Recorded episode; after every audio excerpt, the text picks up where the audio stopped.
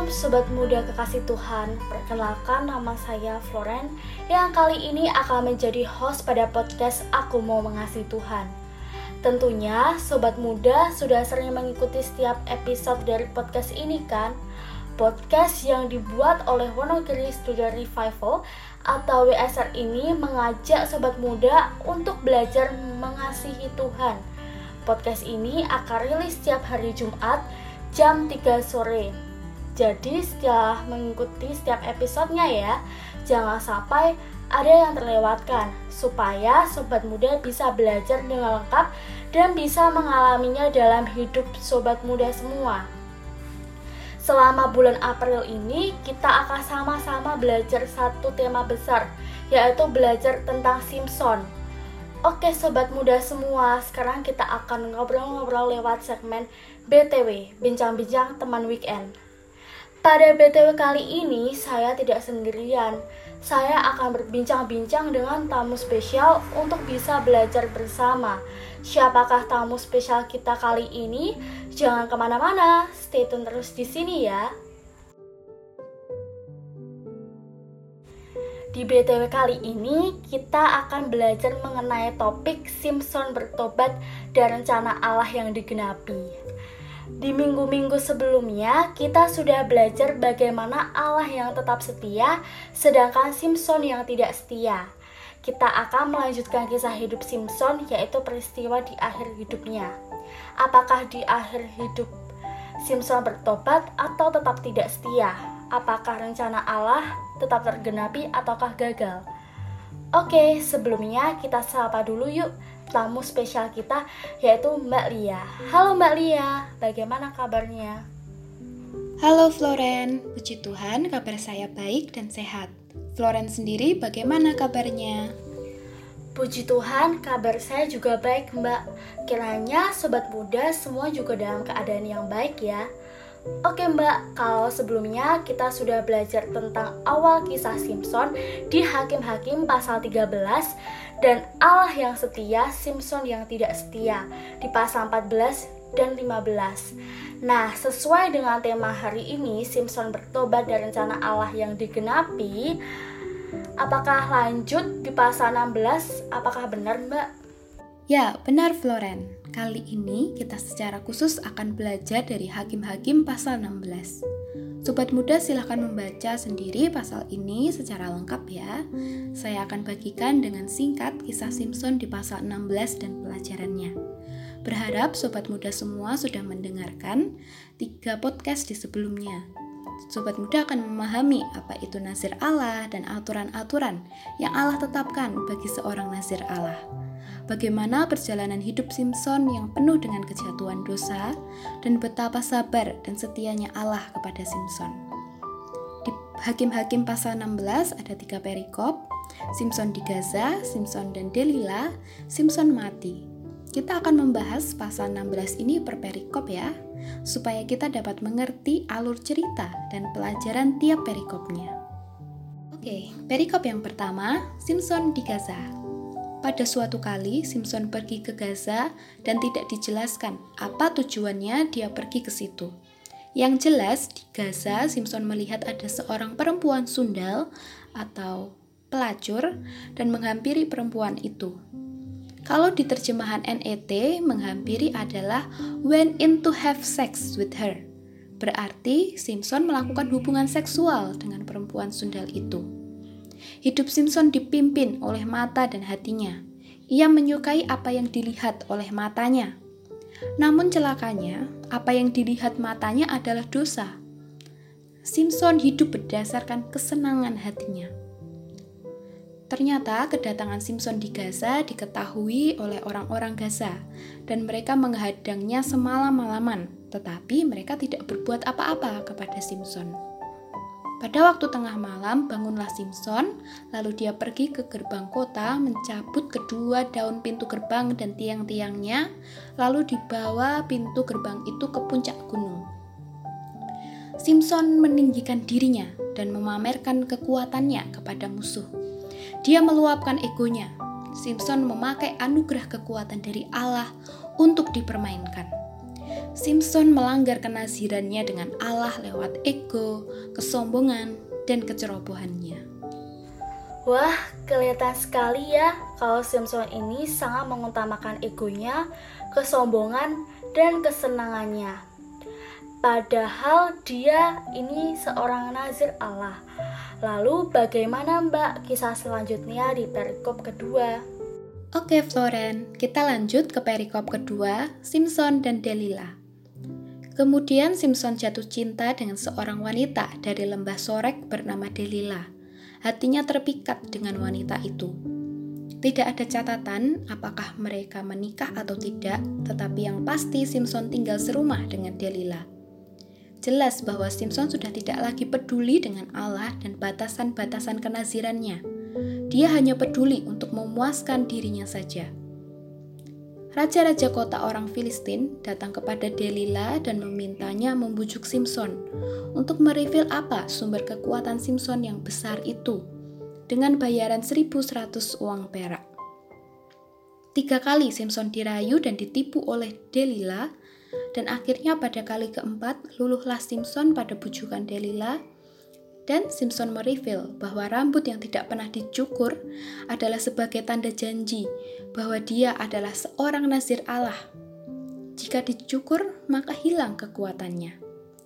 Namun bukan berarti sumber kekuatan Simpson ada pada rambutnya. Sumber kekuatannya tetap kepada Allah. Ketika Simpson tidak taat pada aturan kenazirannya, maka hilanglah kekuatannya.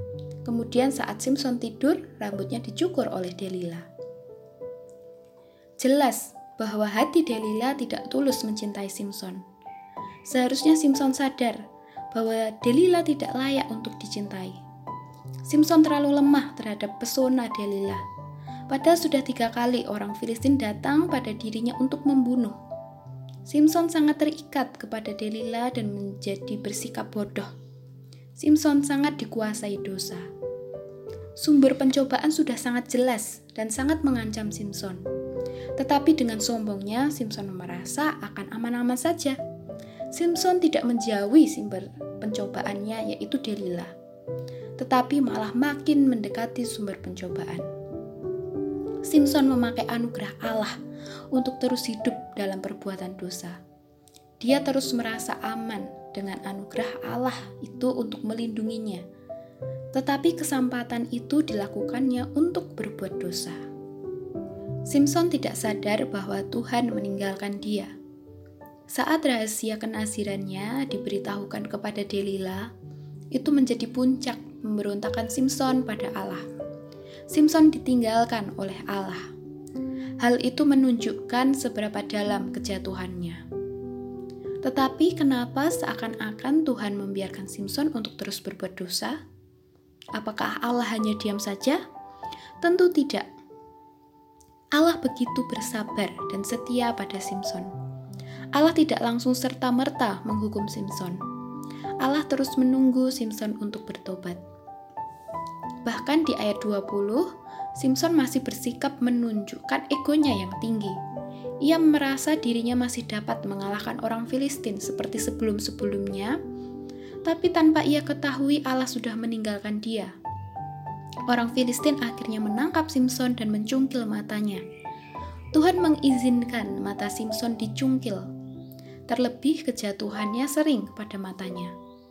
Simpson harus menuai apa yang selama ini ditaburnya. Simpson dipaksa melakukan pekerjaan yang biasa dilakukan oleh hewan, yaitu menjadi penggiling. Simpson dibelenggu dan melakukan pekerjaan yang sangat hina dalam keadaan buta. Saat itulah dia benar-benar dihajar oleh Allah. Saat itu juga rambut Simpson mulai tumbuh lagi. Tentu saja hajaran Allah tidak serta-merta untuk menghajar. Allah memiliki alasan dan tujuan dalam hajarannya itu. Allah tidak membiarkan dirinya dipermainkan, Allah disiplin dan tegas akan dosa. Galatia 6 ayat 7. Hajaran Allah pada Simpson karena ia mengasihi anak-anaknya. Ibrani 12 ayat 6. Penindasan akan membuat seseorang berbalik kepada Allah. Mazmur 119 ayat 71. Dosa Simpson membuat kehormatan Allah ternodai dan tercela di hadapan musuh-musuh yang tidak mengenal Allah, orang-orang yang menyembah pada ilah lain. Dosa itu juga memalukan dirinya sendiri.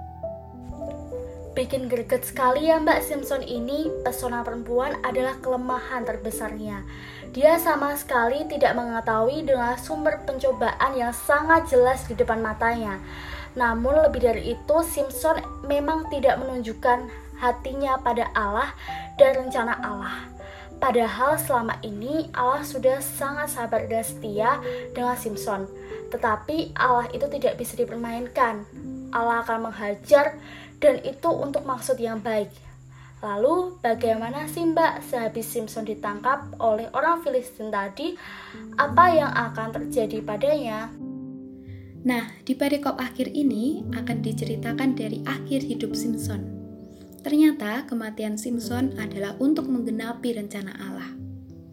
Perikop ketiga, Simpson mati. Waktu itu, raja-raja orang Filistin mengadakan perayaan kepada Allah mereka yaitu Dagon dan dihadiri oleh banyak orang. Simpson dipanggil untuk melawak kemudian diikat di antara tiang-tiang gedung. Di ayat 28, dalam kondisi yang sangat tertekan dan sulit, Simpson berseru kepada Allah supaya dirinya diingat oleh Allah dan membuatnya kuat untuk sekali saja. Dari semua peristiwa yang terjadi, di akhir hidupnya ini adalah pertobatan Simpson. Simpson menyadari bahwa kekuatannya berasal dari Allah. Allah mendengarkan seruan Simpson sebab Allah menerima pertobatan Simpson anak yang dikasihinya. Pada ayat 30, di sinilah hati Simpson baru tertuju pada Allah. Simpson menjadi kuat kembali dan merubuhkan tempat itu sehingga menimpa banyak orang yang jumlahnya lebih banyak daripada yang dibunuh pada waktu hidupnya. Simpson pun juga turut mati bersama dengan orang-orang Filistin itu. Simpson memerintah sebagai hakim Israel selama 20 tahun. Dan nampaknya selama 20 tahun itu dia tidak menaati Allah. Tetapi di akhir hidupnya Simpson bertobat. Pada Ibrani 11, Simpson menjadi salah satu tokoh pahlawan iman. Maka tidak bisa kita simpulkan bahwa Simpson adalah orang yang gagal. Menarik sekali ya mbak, selama masa hidupnya, Simpson sering tidak menaati Allah. Tetapi di akhir hidupnya dia bertobat. Kali ini dia menunjukkan hatinya pada Allah. Dia menyadari bahwa kekuatannya adalah berasal dari Allah dan untuk kematian Allah. Dan Allah menerima pertobatan Simpson. Menariknya lagi, Rencana Allah telah tergenapi. Banyak orang Filistin yang mati atas peristiwa itu. Allah menyelesaikan persoalan bangsa Israel yang waktu itu dijajah Filistin.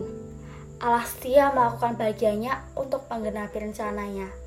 Oke Mbak Lia, dari kisah Simpson ini tadi, pelajaran apa saja sih Mbak yang bisa kita ambil? Pelajaran yang bisa kita ambil dari akhir hidup Simpson adalah Pertama, kehidupan dengan kekuatan atau keterampilan yang sehebat apa pun, kalau hati kita tidak tertuju pada Allah dan rencana Allah, maka hidup kita tidak bisa dipakai oleh Allah dengan leluasa dan efektif. Sebaliknya, selemah apa pun kita merasa tidak punya potensi apa pun, tetapi ketika hati kita ditujukan pada Allah dan rencananya, maka hidup kita bisa dipakai leluasa oleh Allah. Kedua, Kunci kehidupan adalah hati kita yang tertuju pada Allah dan rencana Allah. Dengan demikian, maka hidup kita akan dipakai oleh Allah dengan sangat efektif. Allah tidak mencari orang hebat, Allah mencari orang yang mau dirinya dan hatinya ditundukkan pada Allah dan rencana-rencana Allah. Ketiga, kita tidak bisa meremehkan Allah dan seenaknya sendiri, karena apa yang kita tabur akan kita tuai. Kita tidak boleh mempermainkan apa yang sudah Allah anugerahkan dalam hidup kita. Kalau kesabaran Allah itu membuat kita hidup dalam keberdosaan, maka Allah akan memakai cara yang tegas untuk mendisiplinkan kita. Maka jangan menunda-nunda untuk bertobat kepada Allah. Oke Mbak, terima kasih untuk pelajaran yang telah dibagikan. Kiranya kita semua terberkati melalui perbincangan kali ini.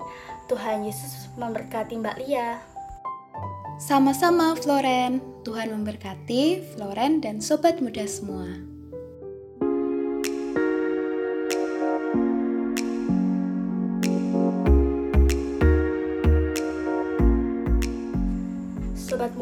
Kasih Tuhan, senang sekali ya hari ini kita bisa belajar bersama lewat bincang-bincang teman weekend. Sobat muda, jangan sampai terlewatkan untuk mendengarkan bincang-bincang teman weekend minggu depan ya. Tentunya bincang-bincang minggu depan tidak kalah seru untuk kita pelajari dan kita alami. Kalau ada sobat yang ingin berdiskusi, bertanya, ataupun memberi masukan, Sobat muda bisa sampaikan lewat Instagram BSR di @studentrevival. Oke, sekian podcast kali ini. Gabung lagi minggu depan ya. Tuhan Yesus berkati.